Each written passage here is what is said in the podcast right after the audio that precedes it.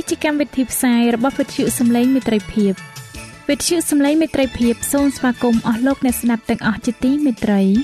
នាងខ្ញុំសេកសុចិន្តាវតី ហើយខ្ញុំបាទអង្គច័ន្ទវិជ្ជៈក៏សូមស្វាគមន៍លោកអ្នកស្ដាប់ទាំងអស់ផងដែរនៅពេលនេះយើងខ្ញុំមានសេចក្តីសុំមនស្សរីករាយដោយបានវិលមកជួបអស់លោកអ្នកនាងកញ្ញាអ្នកស្ដាប់សាជាថ្មីម្ដងទៀត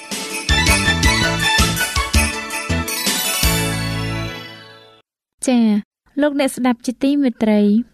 នាងខ្ញុំសូមគោរពអញ្ជើញអស់លោកលោកស្រីអ្នកនាងកញ្ញាតាមដានស្ដាប់កម្មវិធីផ្សាយរបស់វិទ្យុយើងខ្ញុំដូចតទៅ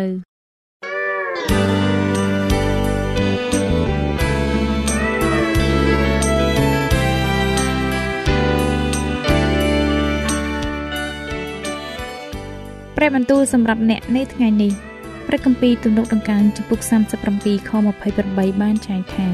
ត្បិតព្រះយេហូវ៉ាទ្រង់សពប្រតិយនិងសេចក្តីយុត្តិធម៌ក៏មិនដែលបបង់ចោលពួកបរិសុទ្ធរបស់ទ្រង់ឡើយទ្រង់ថែរក្សាគេអស់កលជានិច្ចតែពូជរបស់មនុស្សអាក្រក់នឹងត្រូវកាត់ចេញវិញ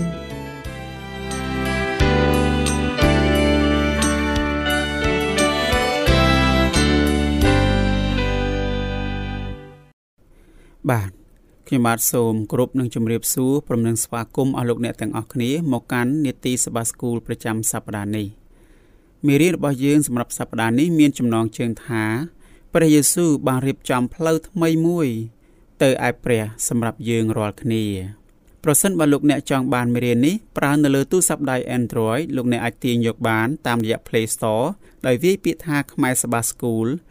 មេរៀនរបស់យើងសម្រាប់សប្តាហ៍នេះយើងនឹងក្រឡេកមើលនៅចំណុចសំខាន់សំខាន់និងសំណួរមួយចំនួនដូចតទៅ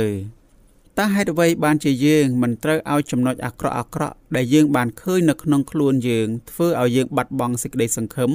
និងសេចក្តីជំនឿទាំងអស់របស់យើងនោះសូមគិតអំពីគោលគំនិតដែលថា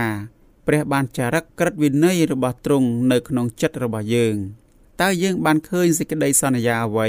សម្រាប់ជីវិតខាងឯវិញ្ញាណរបស់យើងនៅក្នុងសេចក្តីពិតនៃព្រះគម្ពីរនេះដែរឬទេតើសេចក្តីពិតនៃព្រះគម្ពីរនេះ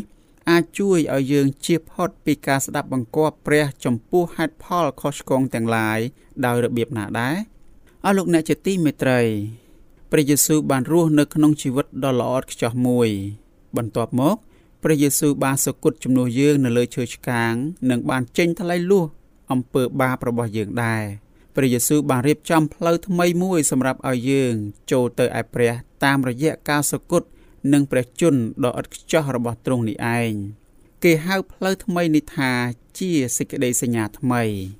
លោកប៉ុលបានបកស្រាយអំពីសេចក្តីពិតនៃព្រះគម្ពីរនេះនៅក្នុងព្រះគម្ពីរហេព្រើរជំពូក10ចាប់ពីខ5រហូតដល់ខ10ខទាំងនេះបានបង្រៀនយើងថាព្រះយេស៊ូវបានថ្វាយដល់ព្រះនៅជីវិតនៃការស្ដាប់បង្គាប់ដ៏ល្អឥតខ្ចោះ ដែលសេចក្តីសញ្ញាថ្មី បានសូមពីយើង។លោកប៉ុលបានមានប្រសាសន៍អំពីបទគម្ពីរទំនុកដំកើងជំពូក40ដែលបានបង្ហាញយើងថាស្ដេចដាវីតចង់ធ្វើតាមព្រះគ្រប់ជំពូកយ៉ាងដូចនេះថាមើលទូលបង្គំមកហើយសេចក្តីនេះបានកត់ទុកពីទូលបង្គំនៅក្នុងគម្ពីរហើយ គឺថាព្រះនៃទូលបង្គំអើយទូលបង្គំមានសេចក្តីអំណរនឹងធ្វើតាមព្រះតីទ្រង់ អើក្រឹតវិន័យរបស់ទ្រង់ក៏នៅក្នុងចិត្តទូលបង្គំព្រះគម្ពីរទំនុកដំកើងចំពុក40ខ7និងខ8ព្រះគម្ពីរទំនុកដំកើងនេះក៏បានបង្ហាញយើងអំពីផែនការដែលព្រះមានសម្រាប់រាជរបស់ទ្រង់នៅក្រោមសេចក្តីសញ្ញាថ្មីនេះផងដែរព្រះចង់ឲ្យរាជរបស់ទ្រង់មានអារម្មណ៍ថា ការស្ដាប់បង្គាប់ទ្រង់គឺជាបទពិសោធន៍ដ៏មានអំណាចមួយ ទ្រង់ចង់ចារឹកបញ្ញត្តិរបស់ទ្រង់នៅក្នុងចិត្តរបស់ពួកគេព្រះគម្ពីរចោទយកថាជំពូក6ខ4ដល់ខ6លោកប៉ុលបានជឿថាព្រះគម្ពីរទំនុកដំកើងជំពូក40បង្ហាញយើងអំពីព្រះយេស៊ូវនៅពេលដែលព្រះយេស៊ូវយាងមកផែនដីនេះទ្រង់បានរស់នៅក្នុងជីវិតនៃការស្ដាប់បង្គាប់ដោយក្តីអំណរទ្រង់គឺជាគំរូដ៏ល្អសម្រាប់យើង ទ្រង់បានសង្គ្រោះយើងតាមរយៈការសគត់របស់ទ្រង់និងតាមរយៈជីវិតនៃការស្ដាប់បង្គាប់ដ៏ល្អឥតខ្ចោះរបស់ទ្រង់នេះឯងសេចក្តីសញ្ញាចាស់មានបញ្ហាមួយគឺថាវាមិនអាចធ្វើឲ្យយើងល្អឥតខ្ចោះបានឡើយដងវាយសัตว์ដែលជាផ្នែកមួយនៃសេចក្តីសញ្ញាចាស់មិនអាចសម្អាតយើងចេញពីអំពើបាបបានឡើយដងវាយទាំងនេះក៏មិនអាចរៀបចំផ្លូវសម្រាប់យើងទៅឯព្រះបានដែរ ម្ល៉េះហើយយើងត្រូវការសេចក្តីសញ្ញាថ្មី តម្រូវការរបស់យើងចំពោះសេចក្តីសញ្ញាថ្មីមិនមែនបង្ហាញថា ព្រះអយុត្តិធម៌ចំពោះសាសអ៊ីស្រាអែលនៅពេលដែលទ្រង់បានប្រទានសេចក្តីសញ្ញាចាស់ដល់ពួកគេនោះទេកិច្ចការរបស់ពួកលេវីនិងដង្វាយសัตว์នៅក្រោមសេចក្តីសញ្ញាចាស់សុទ្ធតែសំខាន់ទាំងអស់កិច្ចការនេះបានបង្រៀនពួកអ៊ីស្រាអែលកុំឲ្យថ្វាយបង្គំព្រះខ្លែងខ្លាយ ដង្វាយសัตว์ក៏បានបង្ហាញពួកអ៊ីស្រាអែលអំពីកិច្ចការនាពេលអនាគតសម្រាប់រាជរបស់ទ្រង់ដែរលោកប៉ុលចង់ឲ្យយើងមើលឃើញថាក្រឹតវិន័យដែលលោកម៉ូសេបានឲ្យដល់សាសអ៊ីស្រាអែលអំពីដង្វាយសัตว์នោះ មានតែស្រមោលពីសេចក្តីល្អដែលត្រូវមក មិនមែនជាតួរូបរបស់សេចក្តីទាំងនោះទេនោះពុំអាចនឹងធ្វើឲ្យពួកគេ ដែលចូលមកថ្វាយយ៉ាញ់បូជាដដាលដដាលរាល់តែឆ្នាំជានិច្ច បានគ្រប់លក្ខឡើយព្រះគម្ពីរហេព្រើរជំពូក10ខ1ជាការពិតណាស់អស់លោកអ្នកទាំងអស់គ្នាដង្វាយសัตว์បានបង្ហាញអំពីព្រះយេស៊ូវនិងកិច្ចការនាពេលអនាគតរបស់ទ្រង់ដង្វាយទាំងនេះបានជួយឲ្យពួកបណ្ដាជនជឿទុកចិត្តនិងមានសេចក្តីជំនឿទៅលើព្រះយេស៊ូវព្រះយេស៊ូវគឺជាកូនជាមនៃព្រះដែលដោះបាបមនុស្សលោកដូច្នេះក្រឹតវិន័យអំពីដង្វាយសัตว์មិនអាចសង្គ្រោះយើងបាននោះទេ មានតែព្រះយេស៊ូវមួយអង្គប៉ុណ្ណោះដែលអាចសង្គ្រោះយើងបានចុះចំណែកឯក្រឹតវិន័យទាំង10ប្រការវិញនោះយ៉ាងណាដែរលោកប៉ុលបានមានប្រសាសន៍ថាក្រឹតវិន័យធ្វើជាអ្នកដឹកនាំយើងរាល់គ្នាទៅឯព្រះគ្រិស្តដើម្បីឲ្យយើងបានរាប់ជាសុចរិតដោយអាងសេចក្តីជំនឿព្រះគម្ពីរកាឡាទីជំពូក3ខ24លោកប៉ុលបានមានប្រសាសន៍ថាព្រះគ្រីស្ទគឺជាចុងបំផុតនៃក្រឹតវិន័យសម្រាប់សេចក្តីសុចរិត ដល់អស់អ្នកណាដែលជឿព្រះគម្ពីររ៉ូមជំពូក10ខ4ខនេះក៏អាចសរសេរបានថា ព្រះគ្រីស្ទបានបញ្ចប់ច្បាប់នេះទុកជារបៀបមួយ ដើម្បីទទួលបានភាពត្រឹមត្រូវជាមួយនឹងព្រះតើខទាំងនេះ បានបង្ហាញយើងយ៉ាងដូចម្ដេចខទាំងនេះបង្ហាញយើងថាមិនថាក្រឹតវិន័យទាំង10ប្រការល្អឥតខ្ចោះប៉ុណ្ណានោះទេ ក្រឹតវិន័យទាំងនោះមិនអាចសង្គ្រោះយើងបានឡើយ ដោយតែមានចែងនៅក្នុងព្រះគម្ពីររ៉ូមជំពូក3ខ20ដល់ខ28និងជំពូក7ខ12ដល់ខ14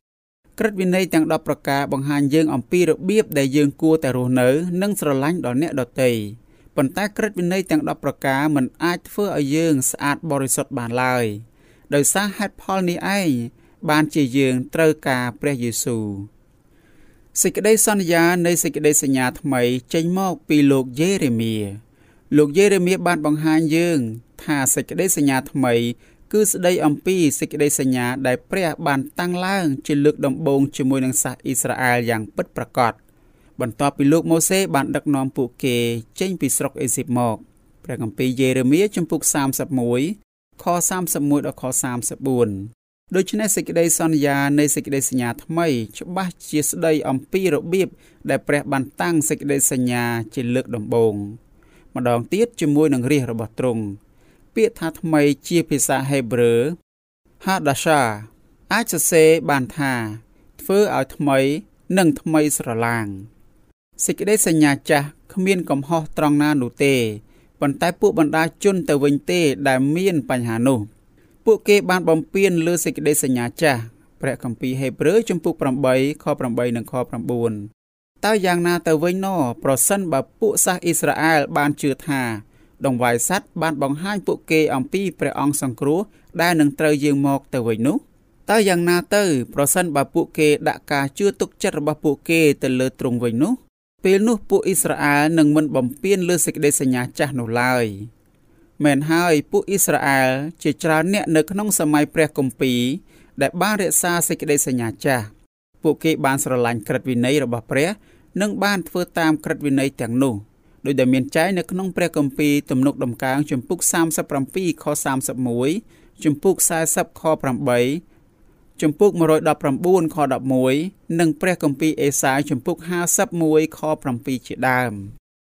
ដូច្នេះសេចក្តីសញ្ញាថ្មីគឺជាសេចក្តីសញ្ញាចាស់ដែលព្រះបានតាំងឡើងជាមួយនឹងរាជរបស់ទ្រង់ម្ដងទៀតយ៉ាងពិតប្រាកដទន្ទឹមគ្នានេះ ក៏មានចំណុចខ្លះអំពីសេចក្តីសញ្ញាថ្មី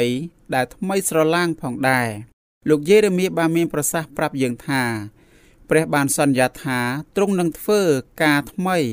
ព្រះគម្ពីរយេរេមៀជំពូក31ខ22ដូច្នេះសេចក្តីសញ្ញាថ្មីមិនដូចជាសេចក្តីសញ្ញាដែលព្រះបានតាំងឡើងជាមួយនឹងសាសអ៊ីស្រាអែលកាលពីមុនទាំងស្រុងនោះទេ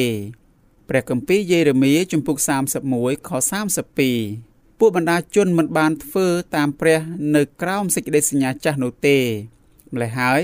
ព្រះក៏មិនបានធ្វើរឿងទាំងអស់ដែលទ្រង់បានសន្យា ដែលទ្រង់បានសន្យា នៅក្នុងសេចក្តីសញ្ញាដែលទ្រង់បានប្រទានដល់លោកម៉ូសេនោះដែរឥឡូវនេះព្រះយេស៊ូវបានធ្វើឲ្យសេចក្តីសញ្ញាទាំងអស់ដំណើរការទៅបានព្រះគម្ពីរហេព្រើរជំពូក7ខ22ព្រះអាចរក្សាសេចក្តីសន្យាទាំងអស់ នៃសេចក្តីសញ្ញាថ្មីរបស់ទ្រង់ព្រះបានចាត់ព្រះយេស៊ូវដ៏ជាព្រះរាជបុត្រារបស់ទ្រង់ដែលបានកាន់តាមក្រឹតវិន័យឲ្យមកឲ្យយើងព្រះយេស៊ូវគឺជាភ័ស្តុតាង ដែលព្រះនឹងរក្សាសេចក្តីសន្យាទាំងអំបាលមាននៅក្នុងសេចក្តីសញ្ញាថ្មីព្រះគម្ពីរហេព្រើរជំពូក7ខ22ជំពូក6ខ18ដល់ខ20អស់លោកអ្នកទាំងអស់គ្នាជាទីមេត្រី ព្រះគម្ពីរហេព្រើរបានបង្ហាញយើងថាព្រះយេស៊ូវមានតួនាទីលើសពីអ្នកដោះស្រាយបញ្ហា អ្នកផ្សះផ្សាគេ ឬស្មោបន្ទាល់នៅក្នុងកិច្ចព្រមព្រៀងការងារណាមួយនោះទៅទៀតព្រះយេស៊ូវគឺជាអ្នកដែលបានសន្យាថានឹងទទួលខុសត្រូវចំពោះសេចក្តីសញ្ញាថ្មីព្រះគម្ពីរហេព្រើរជំពូក7ខ22ព្រះយេស៊ូវបានធ្វើឲ្យប្រកាសថាសេចក្តីសន្យា នៃសេចក្តីសញ្ញានឹងត្រូវបានរក្សាយ៉ាងខ្ជាប់ខ្ជួនការសគត់របស់ព្រះយេស៊ូវបានធ្វើឲ្យសេចក្តីសញ្ញាថ្មីសម្រេចទៅបាន ការសគត់របស់ទ្រង់បានបំពេញតម្រូវការនៃសេចក្តីសញ្ញាដំបូងជាមួយនឹងសាសអ៊ីស្រាអែលសាសអ៊ីស្រាអែលបានបំពេញលើសេចក្តីសញ្ញាដំបូងព្រះយេស៊ូវបានយល់ព្រមទទួលខុសត្រូវចំពោះអ្វីៗគ្រប់យ៉ាងដែលសាសអ៊ីស្រាអែលបានជំពាក់ដល់ព្រះ នៅពេលដែលពួកគេបានបំពេញលើសេចក្តីសញ្ញា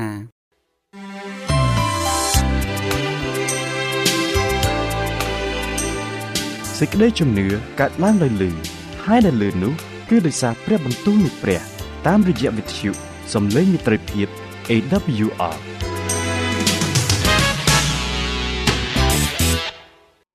អរលោកអ្នកជាទីមេត្រី យើងអាចជឿទុកចិត្តថាព្រះនឹងរក្សាសេចក្តីសន្យាដែលសេចក្តីសន្យារបស់ទ្រង់ចំពោះយើង ពីព្រោះព្រះយេស៊ូវបានយាងទៅកាន់ស្ថានសួគ៌និងទទួលបានសេរីល្អ ព្រះគម្ពីរហេព្រើរជំពូក6ខ19និងខ20ព្រះយេស៊ូវបានបង្ហាញយើងថាសេចក្តីសន្យារបស់ព្រះគឺជាការពិតតើដោយរបៀបណាទៅនោះគឺថាព្រះបានដាស់ព្រះយេស៊ូវពីស្លាប់ឡើងវិញនិងបានបង្គាប់ព្រះយេស៊ូវឲ្យគង់នៅខាងស្ដាំនៃទ្រង់នៅឯស្ថានសួគ៌សកម្មភាពនេះបង្ហាញយើងថាព្រះវរបិតានឹងដាស់យើងពីស្លាប់ឡើងវិញ ហើយនឹងនាំយើងត្រឡប់ទៅឯទ្រង់វិញដែរ ព្រះយេស៊ូវគឺជាសម្ដេចសង្ឃមួយអង្គដែលប្រសើរជាងលោកម៉ូសេតើហេតុអ្វីនោះគឺដោយសារតែព្រះយេស៊ូវបានធ្វើកិច្ចការនៅក្នុងរោងអបោសុតនៅឯស្ថានសួគ៌ទ្រង់បានថ្វាយអង្គទ្រង់ទុកជាដង្វាយដ៏ល្អឥតខ្ចោះជំនួសអំពើបាបរបស់យើងគ្រប់គ្នាមុខរបស់លោកម៉ូសេបានបង្ហាញយើងអំពីស្រីល្អរបស់ព្រះដោយដែលមានចែងនៅក្នុងព្រះគម្ពីរនិខាម៉ាណាំងជំពូក34ខ29ដល់ខ35 ប៉ុន្តែព្រះយេស៊ូវគឺជាស្រីល្អរបស់ព្រះព្រះគម្ពីរហេព្រើរជំពូក1ខ3និងព្រះគម្ពីរយូហានជំពូក1ខ14លោកម៉ូសេបានសន្ទនាជាមួយនឹងព្រះមុខទល់នឹងមុខដោយដែលមានចែងនៅក្នុងព្រះគម្ពីរនិខាម៉ាណាំងជំពូក33ខ11ប៉ុន្តែព្រះយេស៊ូវទ្រង់គឺជាព្រះព្រះគម្ពីរហេព្រើរជំពូក4ខ12និងខ13និងព្រះគម្ពីរយូហានជំពូក1ខ1ដល់ខ3និងខ14 អស់លោកអ្នកជាទីមេត្រីលោកប៉ុលបានមានប្រសាសន៍ថាសេចក្តីសញ្ញាថ្មី មានសេចក្តីសន្យាប្រសើរជាងដោយដែលមានចែងនៅក្នុងព្រះគម្ពីរហេព្រើរជំពូក8ខ6តាមរយៈពាក្យថាសេចក្តីសន្យាប្រសើរជាងនេះតើលោកប៉ុលចង់មានន័យយ៉ាងដូចម្តេចទៅអស់លោកអ្នកជាទីមេត្រី អ្នកប្រហែលជាគិតថាចម្លើយគឺសេចក្តីសញ្ញាថ្មី មានរង្វាន់ប្រសើរជាងប៉ុន្តែគោលគំនិតនេះមិនត្រឹមត្រូវនោះឡើយ។ ព្រះបានប្រទានរង្វាន់ដល់យើងដូចគ្នាទៅនឹងរង្វាន់ដែលសាសអ៊ីស្រាអែលបានទទួលយ៉ាងដូចនោះដែរលោកអ្នកអាចអានបន្ថែមនៅក្នុងព្រះគម្ពីរហេព្រើរជំពូក11ខ10និងខ13ដល់ខ16ព្រះបានប្រទានលំនៅនៅស្ថានសួគ៌និងអំណោយទាននៃជីវិតអស់កលដល់យើងនិងសាសអ៊ីស្រាអែលដូចគ្នាបេះបិទព្រះគម្ពីរហេព្រើរជំពូក8ខ6អាចជួយឲ្យយើងយល់អំពីអត្ថន័យដែលលោកប៉ុលចង់បង្ហាញ នៅពេលដែលគាត់មានប្រសាសន៍ថា មានសេចក្តីសន្យាប្រសើរជាងនេះសេចក្តីសន្យាប្រសើរជាងបង្ហាញអំពីប្រភេទខុសៗគ្នានៃសេចក្តីសន្យាសេចក្តីសញ្ញារវាងព្រះនិងសាសអ៊ីស្រាអែលគឺជាការដោះដូររវាងព្រះនិងមនុស្សព្រះបានសន្យាប្រទានព្រះពរជាច្រើនដល់សាសអ៊ីស្រាអែលដោយដោះដូរជាមួយនឹងការស្ដាប់បង្គាប់របស់ពួកគេព្រះបានធ្វើសកម្មភាពមុននៅក្នុងសេចក្តីសញ្ញានោះទ្រង់បានរំដោះសាសអ៊ីស្រាអែលចេញពីស្រុកអេស៊ីប និងបានសន្យាថានឹងនាំពួកគេចូលទៅកាន់ទឹកដីសន្យា លោកម៉ូសេបានចាក់ឈាមទៅលើអាសនា និងប្រោះឈាមលើពួកបណ្ដាជនឈាមបានបង្ហាញថាព្រះនិងរាជរបស់ទ្រង់បានទទួលយកសេចក្តីសញ្ញាពួកបណ្ដាជនបានសន្យាថានឹងធ្វើតាមអ្វីអ្វីគ្រប់យ៉ាង ដែលព្រះបានមានបន្ទូលមក យើងក៏ត្រូវតែសន្យាដូចគ្នានេះដែរអស់លោកអ្នកទាំងអស់គ្នា នៅពេលដែលយើងចុះសេចក្តីសញ្ញាជាមួយនឹងព្រះនោះ សេចក្តីសញ្ញាថ្មីទាមទារនៅការស្ដាប់បង្គាប់ដ៏ល្អឥតខ្ចោះមួយពីយើងព្រះយេស៊ូវបានបំពេញតម្រូវការនេះព្រះបានចាត់ព្រះរាជបុត្រារបស់ទ្រង់ឲ្យមកឯផែនដីនេះហើយនឹងរស់នៅក្នុងជីវិតដ៏ល្អឥតខ្ចោះមួយឥឡូវនេះព្រះអាចរក្សាសេចក្តីសន្យាទាំងអស់នៃសេចក្តីសញ្ញាថ្មីបាន ដោយសារជីវិតរបស់ព្រះយេស៊ូវយើងអាចមានជីវិតនេះ ជារបស់យើងផ្ទាល់តាមរយៈសេចក្តីជំនឿរបស់យើងទៅលើព្រះយេស៊ូវនេះឯងដោយសារតែព្រះយេស៊ូវបានស្ដាប់បង្គាប់ដល់ព្រះនេះហើយបានជាយើងអាចជឿទុកចិត្តនៅលើសេចក្តីសន្យានៃសេចក្តីសញ្ញានេះបាន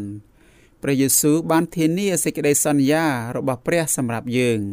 ដូចដែលមានចែងនៅក្នុងព្រះគម្ពីរហេព្រើរជំពូក7ខ22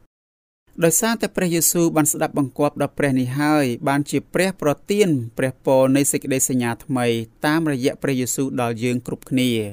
មនុស្សគ្រប់គ្នាដែលជាកម្មសិទ្ធិរបស់ព្រះនឹងបានរីករាយជាមួយនឹងសេចក្តីសន្យានេះជាមួយនឹងទ្រង់ដែរព្រះក៏បានចាត់ព្រះវិញ្ញាណបរិសុទ្ធដល់យើងផងដែរដើម្បីជួយឲ្យយើងធ្វើតាមក្រឹតវិន័យរបស់ទ្រង់បានអរលោកអ្នកទាំងអស់គ្នាជាទីមេត្រី ព្រះបានចារឹកសេចក្តីសញ្ញាដំបូងនៅលើផ្ទាំងថ្ម លោកម៉ូសេបានដាក់រូបភាពផ្ទាំងថ្មទាំងនេះនៅលើហឹបសញ្ញាព្រះគម្ពីរនិខមណាំងជំពូក31ខ8ព្រះគម្ពីរចោទយកថាជំពូក10ខ1ដល់ខ4ទាំងថ្មអាចបំបែកបាន ក្រដាសក៏អាចកត់និងយកទៅដុតបានដែរដោយតែមានចែងនៅក្នុងព្រះគម្ពីរយេរេមៀជំពូក36ខ23ប៉ុន្តែឥឡូវនេះ ព្រះបានចារឹកក្រឹតវិន័យរបស់ទ្រង់នៅក្នុងចិត្តនៃរាជរបស់ទ្រង់ទៅវិញចិត្តគឺជារូបស័ព្ទមួយតំណាងឲ្យគំនិតគំនិតគឺជាផ្នែកមួយនៃរាងកាយរបស់យើងដែលត្រូវដឹងនិងចងចាំដោយដែលមានចែងនៅក្នុងព្រះគម្ពីរយេរេមៀជំពូក3ខ15ព្រះគម្ពីរចោទយកថាជំពូក29ខ4ជាដើមយើងបានធ្វើការសម្រេចចិត្តសំខាន់សំខាន់ជាមួយនឹងគំនិតរបស់យើងនេះឯង គំនិតរបស់យើងបានបង្កើតឲ្យមានសេរីភាពក្នុងការជ្រើសរើសសេចក្តីសន្យាដែលព្រះតាំងឡើង ដើម្បីចារឹកក្រិតវិន័យរបស់ទ្រង់នៅក្នុងចិត្តរបស់យើងនេះ បានបង្ហាញថា ព្រះចង់ឲ្យមនុស្សគ្រប់គ្នាបានដឹងនិងយល់អំពីក្រិតវិន័យរបស់ទ្រង់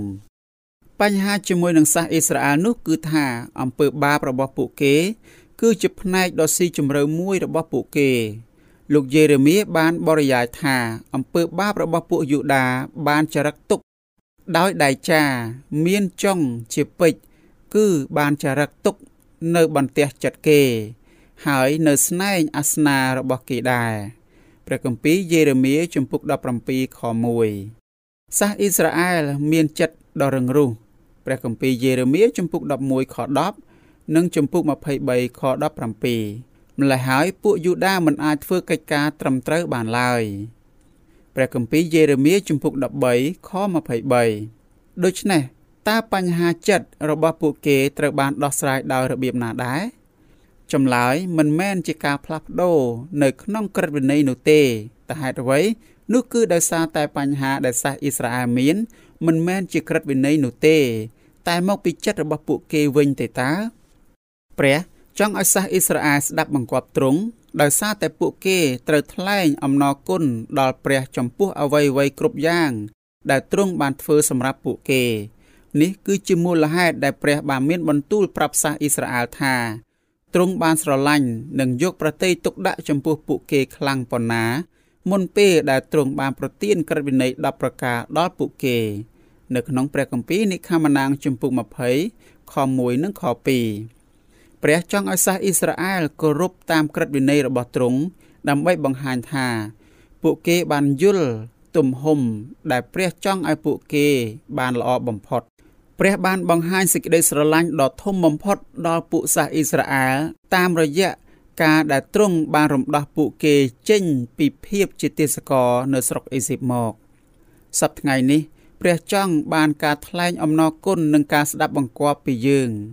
សេចក្តីសញ្ញាថ្មីបានចាប់ផ្ដើមឡើងជាមួយនឹងសេចក្តីស្រឡាញ់ដែលព្រះយេស៊ូវបានបង្ហាញចំពោះយើងនៅលើឈើឆ្កាង ការស្ដាប់បង្គាប់ពិតប្រាកដនោះ មានប្រភពចេញមកពីចិត្តដែលបានស្រឡាញ់ដល់ព្រះព្រះគម្ពីរម៉ាថាយជំពូក22ខ34ដល់ខ40សេចក្តីស្រឡាញ់នេះបង្ហាញថា ព្រះវិញ្ញាណបរិសុទ្ធបានសន្ធិដ្ឋនៅក្នុងចិត្តរបស់យើង ព្រះបានចាក់បង្អល់សេចក្តីស្រឡាញ់របស់ទ្រង់មកលើយើងតាមរយៈព្រះវិញ្ញាណបរិសុទ្ធព្រះគម្ពីររ៉ូមជំពូក5ខ5និងព្រះគម្ពីរកាឡាទីជំពូក5ខ22អស់លោកអ្នកស្ដាប់ជាទីមេត្រី តាមរយៈសៀវភៅជំហានទៅកាន់ព្រះគ្រីស្ទអ្នកស្រី Ellen G. White បានលើកឡើងថាតើនឹងមានអ្វីកើតឡើង នៅពេលដែលព្រះបានបង្កើតជីវិតយើងជាថ្មី និងបានដាំសេចក្តីស្រឡាញ់របស់ទ្រង់នៅក្នុងចិត្តរបស់យើងនោះតើយើងនឹងអាចបង្ហាញថាយើងបានគ្រប់តាមក្រឹតវិន័យរបស់ទ្រង់នៅក្នុងចិត្តរបស់យើងដែរឬទេជាការពិតណាស់អស់លោកអ្នកទាំងអស់គ្នានៅពេលដែលសេចក្តីស្រឡាញ់របស់ទ្រង់បានដាំនៅក្នុងចិត្តរបស់យើងរួចហើយពេលនោះសេចក្តីសន្យានៃសេចក្តីសញ្ញាថ្មីនឹងคล้ายមកជាការពិតសេចក្តីសន្យានោះគឺព្រះនឹងដាក់ក្រឹតវិន័យរបស់ទ្រង់នៅក្នុងចិត្តរបស់យើង ហើយនឹងកត់ទុកនៅក្នុងគំនិតរបស់យើងផងដោយតែមានចែងនៅក្នុងព្រះគម្ពីរហេព្រើរជំពូក10ខ16សេចក្តីសន្យានេះក៏បានក្លាយជាការពិតដែរនៅពេលដែលយើងត្រូវបានបង្កើតជាថ្មីនិងចាប់ផ្ដើមមើលទៅដូចជាព្រះរបស់យើងប្រសិនបើព្រះបានចារឹកក្រឹតវិន័យរបស់ទ្រង់នៅក្នុងចិត្តរបស់យើងទៅហើយនោះតើក្រឹតវិន័យនោះនឹងផ្លាស់ប្ដូរជីវិតរបស់យើងដែរឬទេ ជាការពិតណាស់អស់លោកអ្នកទាំងអស់គ្នា ការស្ដាប់បង្គាប់បង្ហាញថា យើងគឺជាសិស្សរបស់ព្រះ យើងគឺជាកូនស្ងួនភ្ងារបស់ព្រះ ការស្ដាប់បង្គាប់របស់យើងបង្ហាញថា យើងស្មោះត្រង់ចំពោះព្រះ និងសុខចិត្តបម្រើទ្រង់ទាំងស្រុងនេះគឺជាមូលហេតុដែលព្រះគម្ពីរបានចែងថាត្បិតនេះហើយជាសេចក្តីស្រឡាញ់ដល់ព្រះ គឺឲ្យយើងកាន់តាមអស់ទាំងបញ្ញត្តិរបស់ទ្រង់ព្រះគម្ពីរយូហានខ្សែទី1ចំពុក5ខ3 អ្នកណាដែលថាបានស្គាល់ទ្រង់តែមិនកាន់តាមបញ្ញត្តិទ្រង់ទេ អ្នកនោះឈ្មោះថា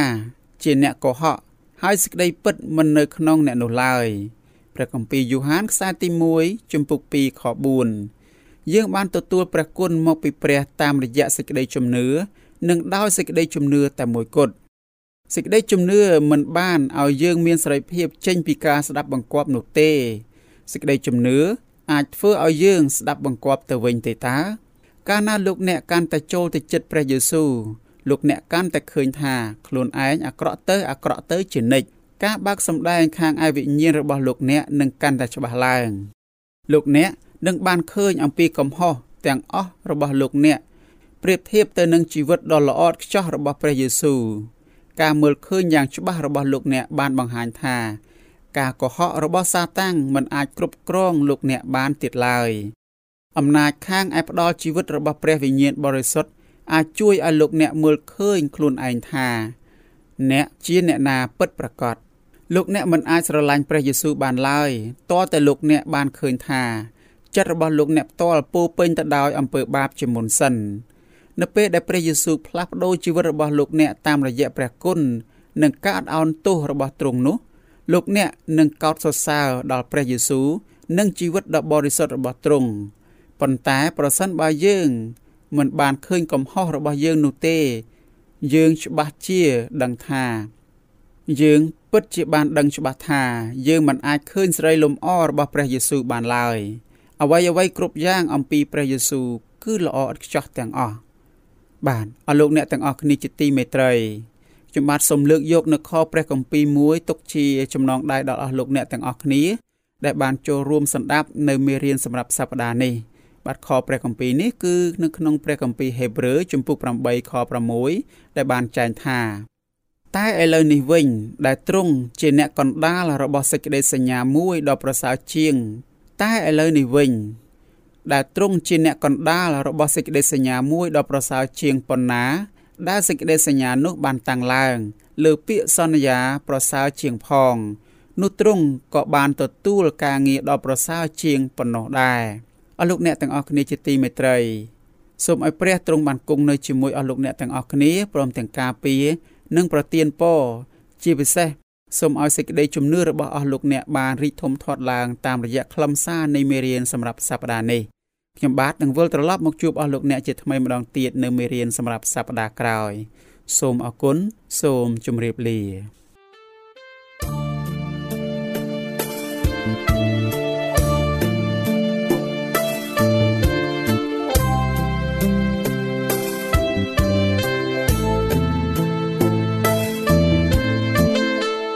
បើសិនជាលោកអ្នកមានសំណួរ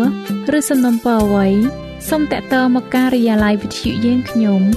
តាមអាស័យដ្ឋានផ្ទះលេខ15ផ្លូវលេខ568សង្កាត់បឹងកក់2ខណ្ឌទួលគោករាជធានីភ្នំពេញលោកអ្នកក៏អាចសរសេរសម្បត្តិផ្ញើមកយើងខ្ញុំ តាមរយៈប្រអប់សម្បត្តិលេខ488ភ្នំពេញឬតាមទូរស័ព្ទលេខ012 34 96 64ឬ 097 80 81 060ឬក៏តាមរយៈអ៊ីមែល vol@awr.org យើងខ្ញុំរងចាំទទួលស្វាគមន៍អស់លោកអ្នកនាងដោយក្តីសោមនស្សរីករាយហើយលោកអ្នកក៏អាចស្ដាប់កម្មវិធីនេះឡើងវិញដោយចូលទៅកាន់ website របស់វិទ្យុយើងខ្ញុំតាមរយៈអាស័យដ្ឋាន www.awr.org